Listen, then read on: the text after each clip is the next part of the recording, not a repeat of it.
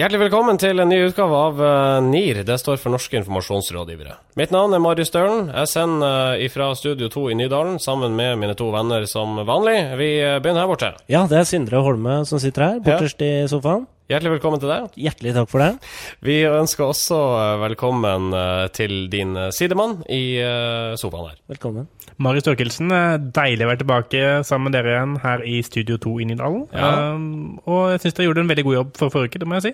Da var det Sigurd Skjefstad som hadde din plass, for du var uh, på konferanse, du. Jeg var på konferanse. Uh.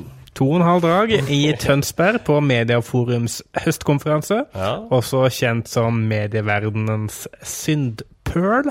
Ja. Det må du forklare nærmere. Det er, altså, det er jo Mediaforum er jo en sånn sam røret av alt som, har med, som, alt som er av kommersielle interesser innenfor medieverden. Ja. Altså mediebyråer og annonsør, annonseselgere. Så møtes egentlig til to dager med fag. Eh, og mye gode foredragsholdere. Jeg lærte mye av det.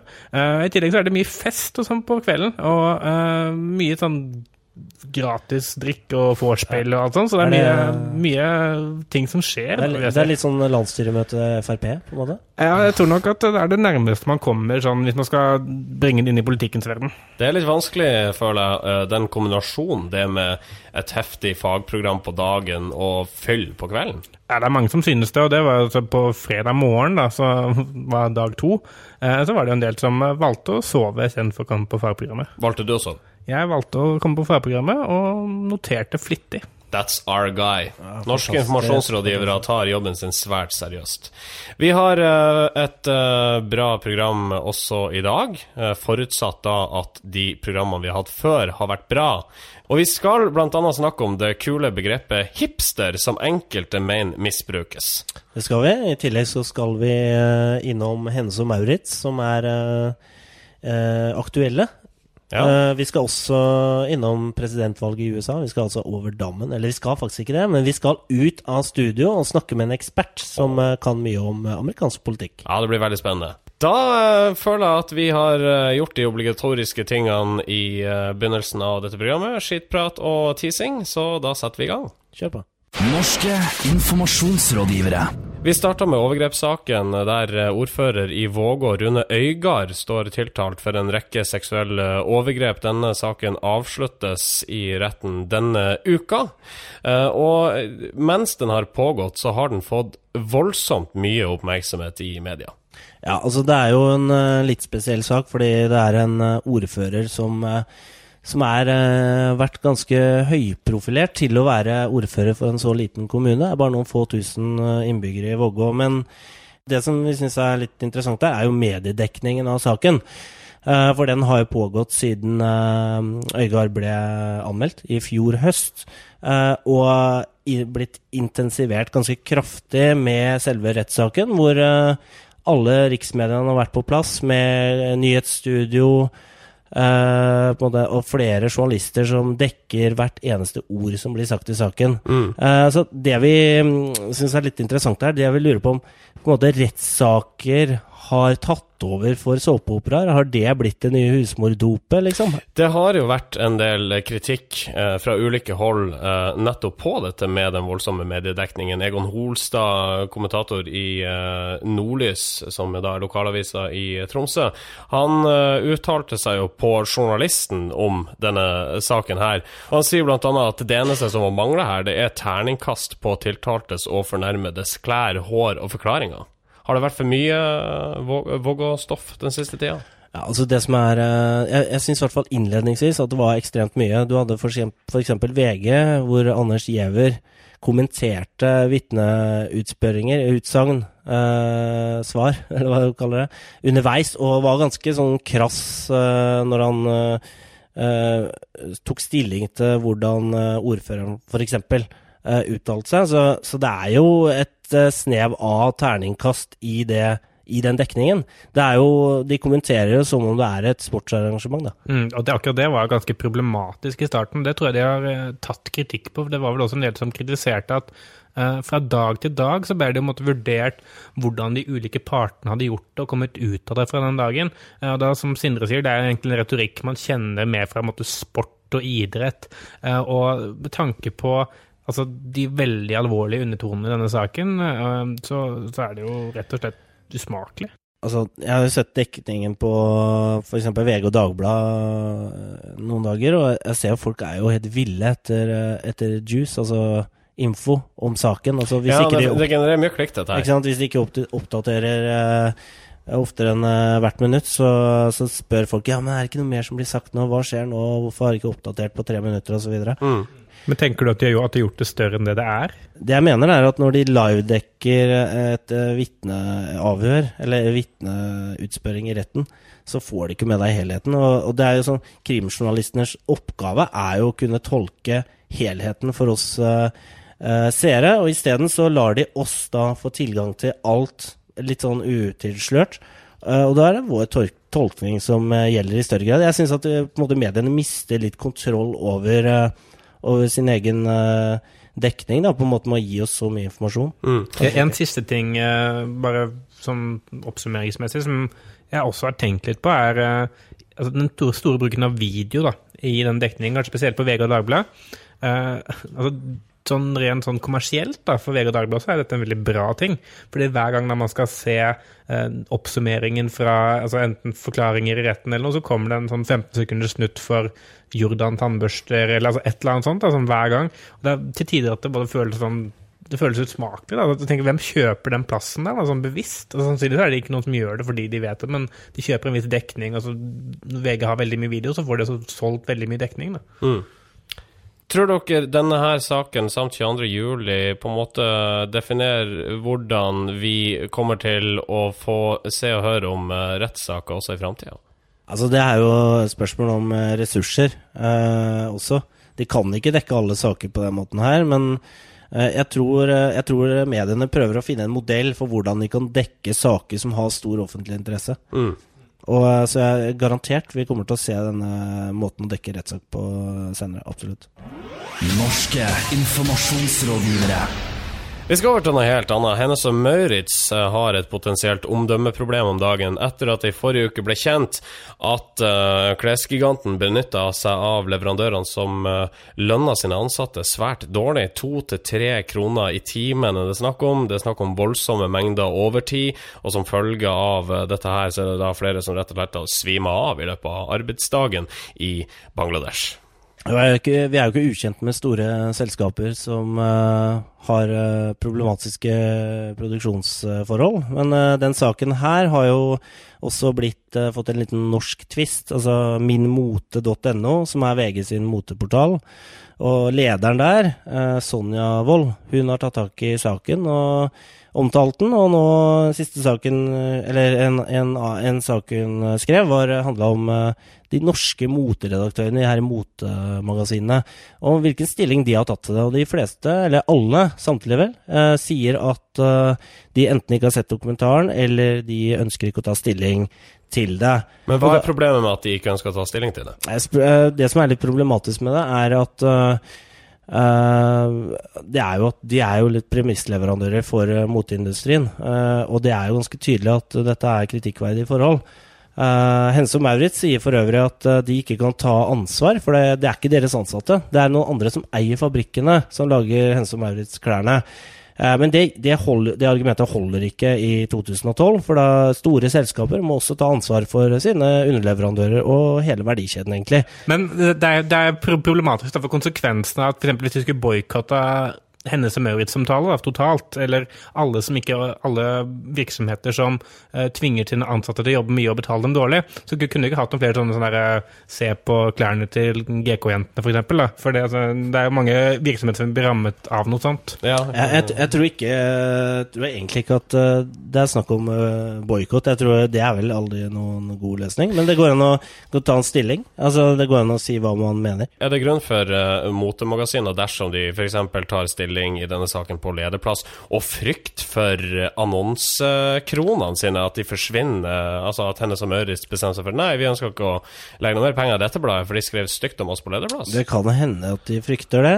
Jeg tror det handler om at de kommer i en situasjon de ikke har vært i. Altså De er ikke vant til det, eh, og syns det er problematisk eh, fordi det bryter med profilen.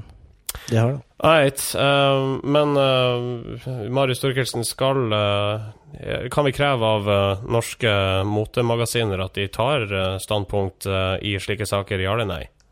vi kan godt kreve det, men de kommer nok ikke til å gjøre det. Sindre? jeg mener at de skal ta et standpunkt, ja. Right, vi skal videre i sendinga. Norske informasjonsrådgivere. Da skal vi tilbake til presidentvalget i USA, som vi diskuterte forrige uke, og innså vel halvveis i sendinga at her hadde det vært greit med litt eksperthjelp. Og derfor har vi sendt vår reporter Sindre Holme ut på gata. Og du eh, står sammen med et vedkommende som virkelig har peiling på temaet. Ja, det stemmer, Marius. Da er jeg inne fra Miljøverndepartementet, eh, hvor jeg har med meg Kjetil Raknes, som er statssekretær i departementet, men også ekspert på amerikansk politikk. Eh, så velkommen, eh, Kjetil. Eller jeg skal vel kanskje si takk for at jeg fikk komme? Ja, det syns jeg virkelig, siden du har fått lov å komme inn i maktens innerste kjerne. Du kan jo si litt kort hvorfor du er i stand til å si noe om valget. Altså, hva, hva er bakgrunnen din? Uh, ja, jeg uh, er jo statsviter. Jeg studerte i USA og var veldig, var veldig, opptatt av amerikansk politikk. Så jeg skrev liksom masteroppgave om amerikanske politiske konsulenter. Og så jobbet jeg også en god stund som utenrikskorrespondent for Morgenbladet. Skrev veldig mye.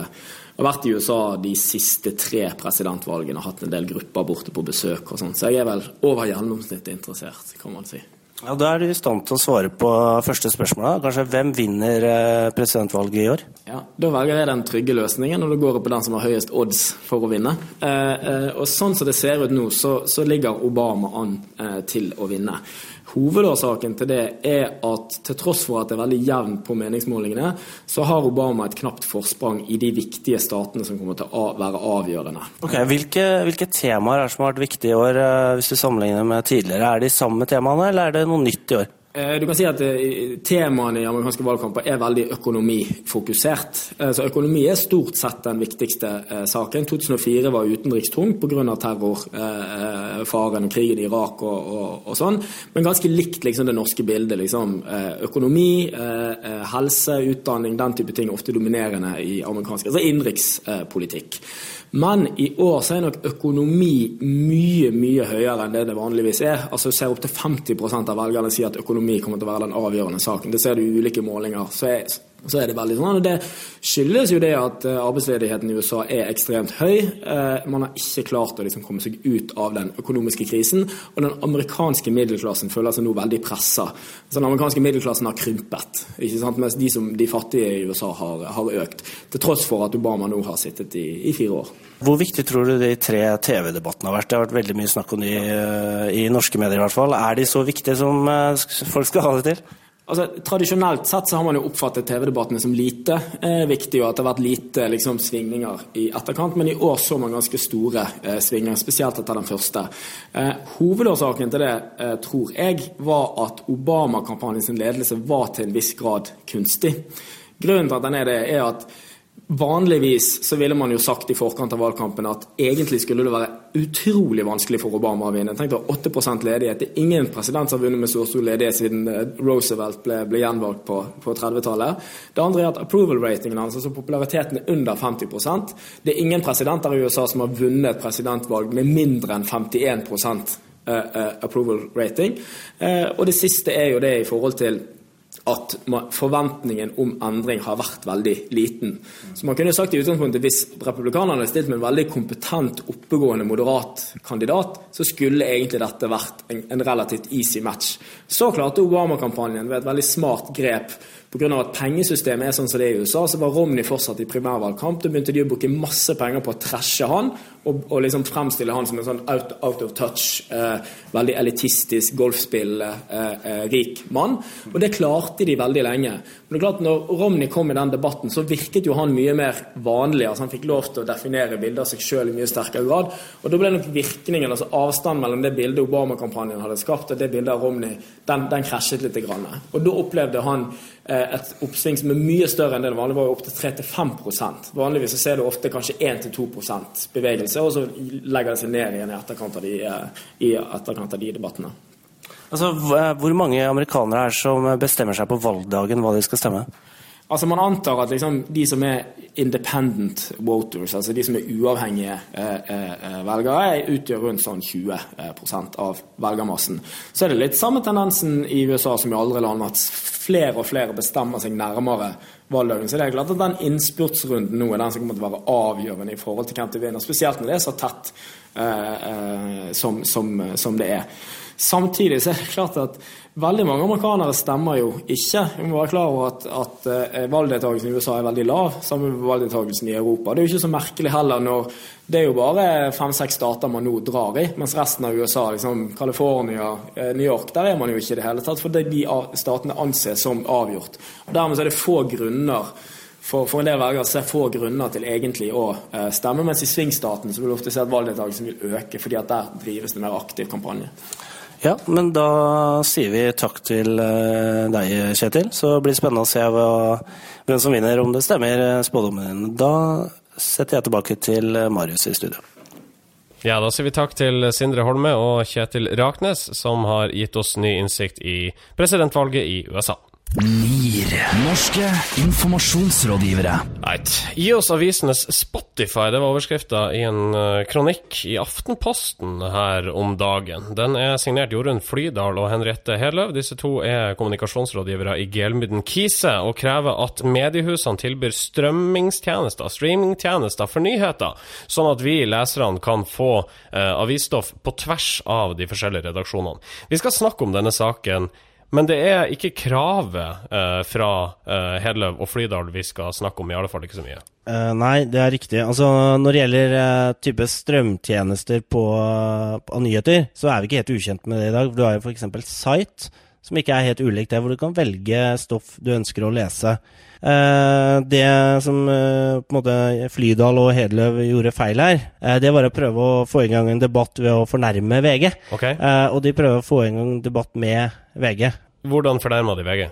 Nei, de uh, sa at uh, det er en skam at uh, VG legger kvalitetsjournalistikk og sitt beste innhold på VG+, mens folk flest bare får tilgang til fordummende nyhetsstoff på vg.no.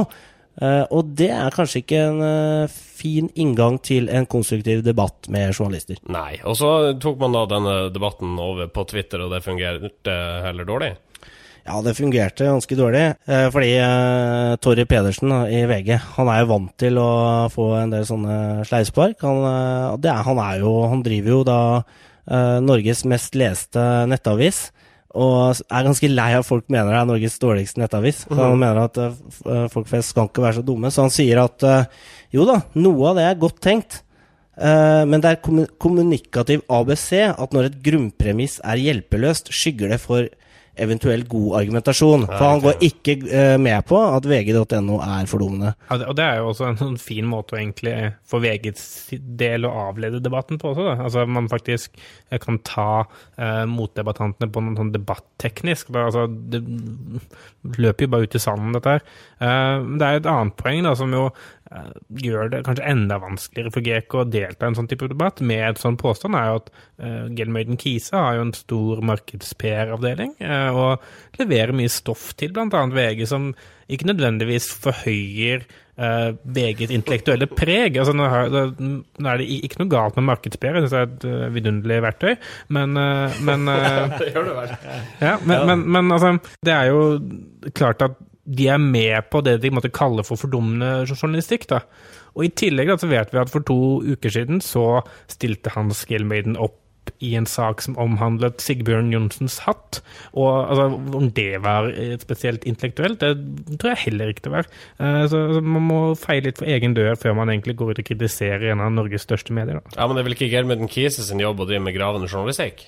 Nei, nettopp. Men det er heller ikke VGs eh, skyld at uh, mye av det de trykker, bl.a. kommer fra andre in interesser. Da. Så altså, er Gelmyden Kise eller et hvilket som helst kommunikasjonsbyrå som driver med markedspær, kapabel til å ta en slik debatt i det hele tatt? Nei, kanskje ikke. For altså, mediene har jo eh, selvfølgelig endevendt alle mulige forretningsmodeller uh, ti ganger. Og det er jo faktisk ikke så veldig Det er ikke sånn kjempelurt å, å skjele til musikkbransjen, for det er ingen som tjener på Spotify. Spotify tjener ikke penger, de heller. Uh, og, ja, ikke sant? Så, så, det er jo ikke noe Det er ikke en bærekraftig forretningsmodell i dag. Altså Uh, det er ikke sikkert at strømmetjenester er framtida engang. Ok, uh, det var jo bastant og fint, det. Ja, altså, man må være litt bastant. Det er det er tross alt debatt om en debatt om en debatt. Ja, det er sant. Vi holder på med. Dobbel metadebatt her. Yep. Hva syns dere om VG sjøl? Jeg syns VG er flott. Jeg syns det er Norges beste mediehus. Ja, jeg syns VG har ganske mye bra innhold nå, altså, ikke minst VGTV. Men det var kanskje ikke vg.no. Nei. Du er ikke blitt fordumma ennå, si. Eh, hvis jeg er blitt fordumma, så blir jeg nok avslørt eh, nå, tenker jeg. Og et viktig poeng er at VG, ingenting blir liggende på vg.no i mer enn fem minutter hvis det ikke genererer klikk. Nei. Så hvem fordummer hvem, det lurer jeg litt på. Marketing 3.0. Social business. Cloud computing. Social shopping. Begrepsforvirring. Denne uka skal vi ta for oss et ord som antagelig brukes mer i populærkulturen generelt enn for PR-rådgivere spesielt. Eh, vi snakker om begrepet hipster. Det er helt riktig. Det høres jo, det høres ikke ut som noe norske informasjonsrådgivere skal eh, drive med. Men eh, vi syns det er litt interessant å ta det opp, fordi det er et eh, begrep som eh, er blitt tømt for innhold eh, på grunn av måten det er blitt brukt på. Det er jo et bevegelse som stammer fra 40-tallet, eh, ikke minst innen jazzen. Hvis jeg går på Wikipedia, så ser jeg det at hipster betegnes der, da, som en person som følger det som er moderne og på moten. Altså du er litt hipp og kul, og dermed hipster. Ja, og det er vel det egentlig vi vil ta tak i i dag. Fordi det er den meningen som mange tillegger det begrepet i dag. Eh, men sånn som hipstere altså, har vært i største delen av årene hvor begrepet har eksistert, så har han handlet om sånn foregangsfigurer innenfor måtte, ulike kulturelle segmenter, som måtte, jazz, eh, beatforfattere etc., som har eh, altså, valgt å måtte ta en, en trend eller ta en, måtte, en kultur og ta den videre da, gjennom å faktisk tørre å skille seg ut. Helt, helt riktig. Det er, det er jo Det stammer fra en periode hvor du faktisk risikerte noe ved å skille deg ut. da. uh, hvor du hadde, du hadde kulturelle uttrykk som levde helt på siden av samfunnet, og som aldri var en del av mainstream. Eh, problemet, eh, Det som har skjedd med begrepet, og gjort at det har blitt utvanna, det er at eh, på 90-tallet så, så kom ironien eh, for fullt. Eh, og en økende kommersialisering av eh, av moter og, og musikk, eh, som gjorde at eh, hipster ble handla om hvordan du så ut. Altså gikk du med trailer-caps og, eh, og liksom sånne rare hornbriller eh, på 90-tallet, så var du en hipster. Riktig. Hva som, hvis du skulle vært hipster i dag, da? Da kan du for eksempel gjøre sånn som meg. Jeg har uh, brukt Foursquare så mye at jeg har blitt mayor på Grünerløkka. Uh, det vil jeg si er hipt. Ja, det er utrolig hipt. Ja, Det er veldig sånn trendgjøk, syns jeg. Ja, men altså, eh, eh, den ekte hipsteren, da, eh, hvis vi skal eh, forklare ordet yt- ytterligere, eh, faktisk noe ved å stå ut fra samfunnet for øvrig. Ja, jeg vil si kanskje det beste eksempelet på en, eh, på en hipster eh, nå i dag, det er kanskje, kanskje Pussy Riot, som gikk inn i denne kirken og, og sang eh, Eller i hvert fall uttrykte seg mot eh, Putin. da. Og de risikerte noe, og de er helt på siden av det etablerte i sitt samfunn. Så jeg vil si at de er de egentlige hipsterne. Mens, de, mens alle de som går på Øyafestivalen og ser kule ut, de er trendnisser. Så uh, så bør, eh, bør man bare slutte å bruke begrepet hipster, da? Nei, men jeg syns man skal være klar over historien det stammer fra, og liksom personene som faktisk har vært med på å forme dette begrepet gjennom kanskje 60 år, da. Uh, hvis vi tar en tilfeldig person som kaller seg for hipster, hvor stor er sannsynligheten for at vedkommende faktisk er en hipster, i henhold til den opprinnelige definisjonen? Jeg vil anslå en én av ti kvosient. Ok. Så oppfordringa er rett og slett til de fleste som trasker rundt med uoriginale klær fra Fretex, slutt å kalle deg hipster. Ja, kall det du er. Fattig. Vi skal videre. Norske informasjonsrådgivere. Ikke gjør dette. I dagens Ikke gjør dette-spalte så skal vi til vår egen bransje, og vi skal snakke om eh, kommunikasjonsrådgivere som skryter av tidligere bragder. Vi skal rett og slett til JKL-administrerende direktør Julie Bråttkorp og hennes innlegg på Kommunikasjonsforeningens høstseminar for et par uker siden. Eh, Hun, eh, på dette seminaret fortalte hun bl.a. om sin tid i Høyre som kommunikasjonsrådgiver, og hvor hun fortalte om en, en episode som kampanje hang seg opp i, eh, hvor hun hadde gitt Erna Solberg råd om å tiltale Pål T. Jørgensen som Pål Tore Jørgensen i forkant av debatt, for å sette Pål T. Jørgensen litt ut av spill. Uh, og um, dette framla hun som, måte, som et veldig sånn vellykket grep, og noe som måte, klarte å få Pål T. Jørgensen til å bli litt usikker og ukomfortabel i sin rolle. Uh, og han svarte i Kompanje, relativt kort, men ganske konsist. Og han sier at nå løper Bråttkorp rundt og forteller at det var genialt å kalle meg Pål Tore. Etter den gang 14 år i TV-studio, 6 år som programleder i tabloid, skulle jeg bli satt ut da Erna Solberg sa Pål Tore. Uh, og det er jo klart, altså uh, Sånne historiske anekdoter fra kulissene i politikken og sånn, folk elsker jo å høre det. ikke sant? Hvordan er egentlig Erna på bakrommet og sånn.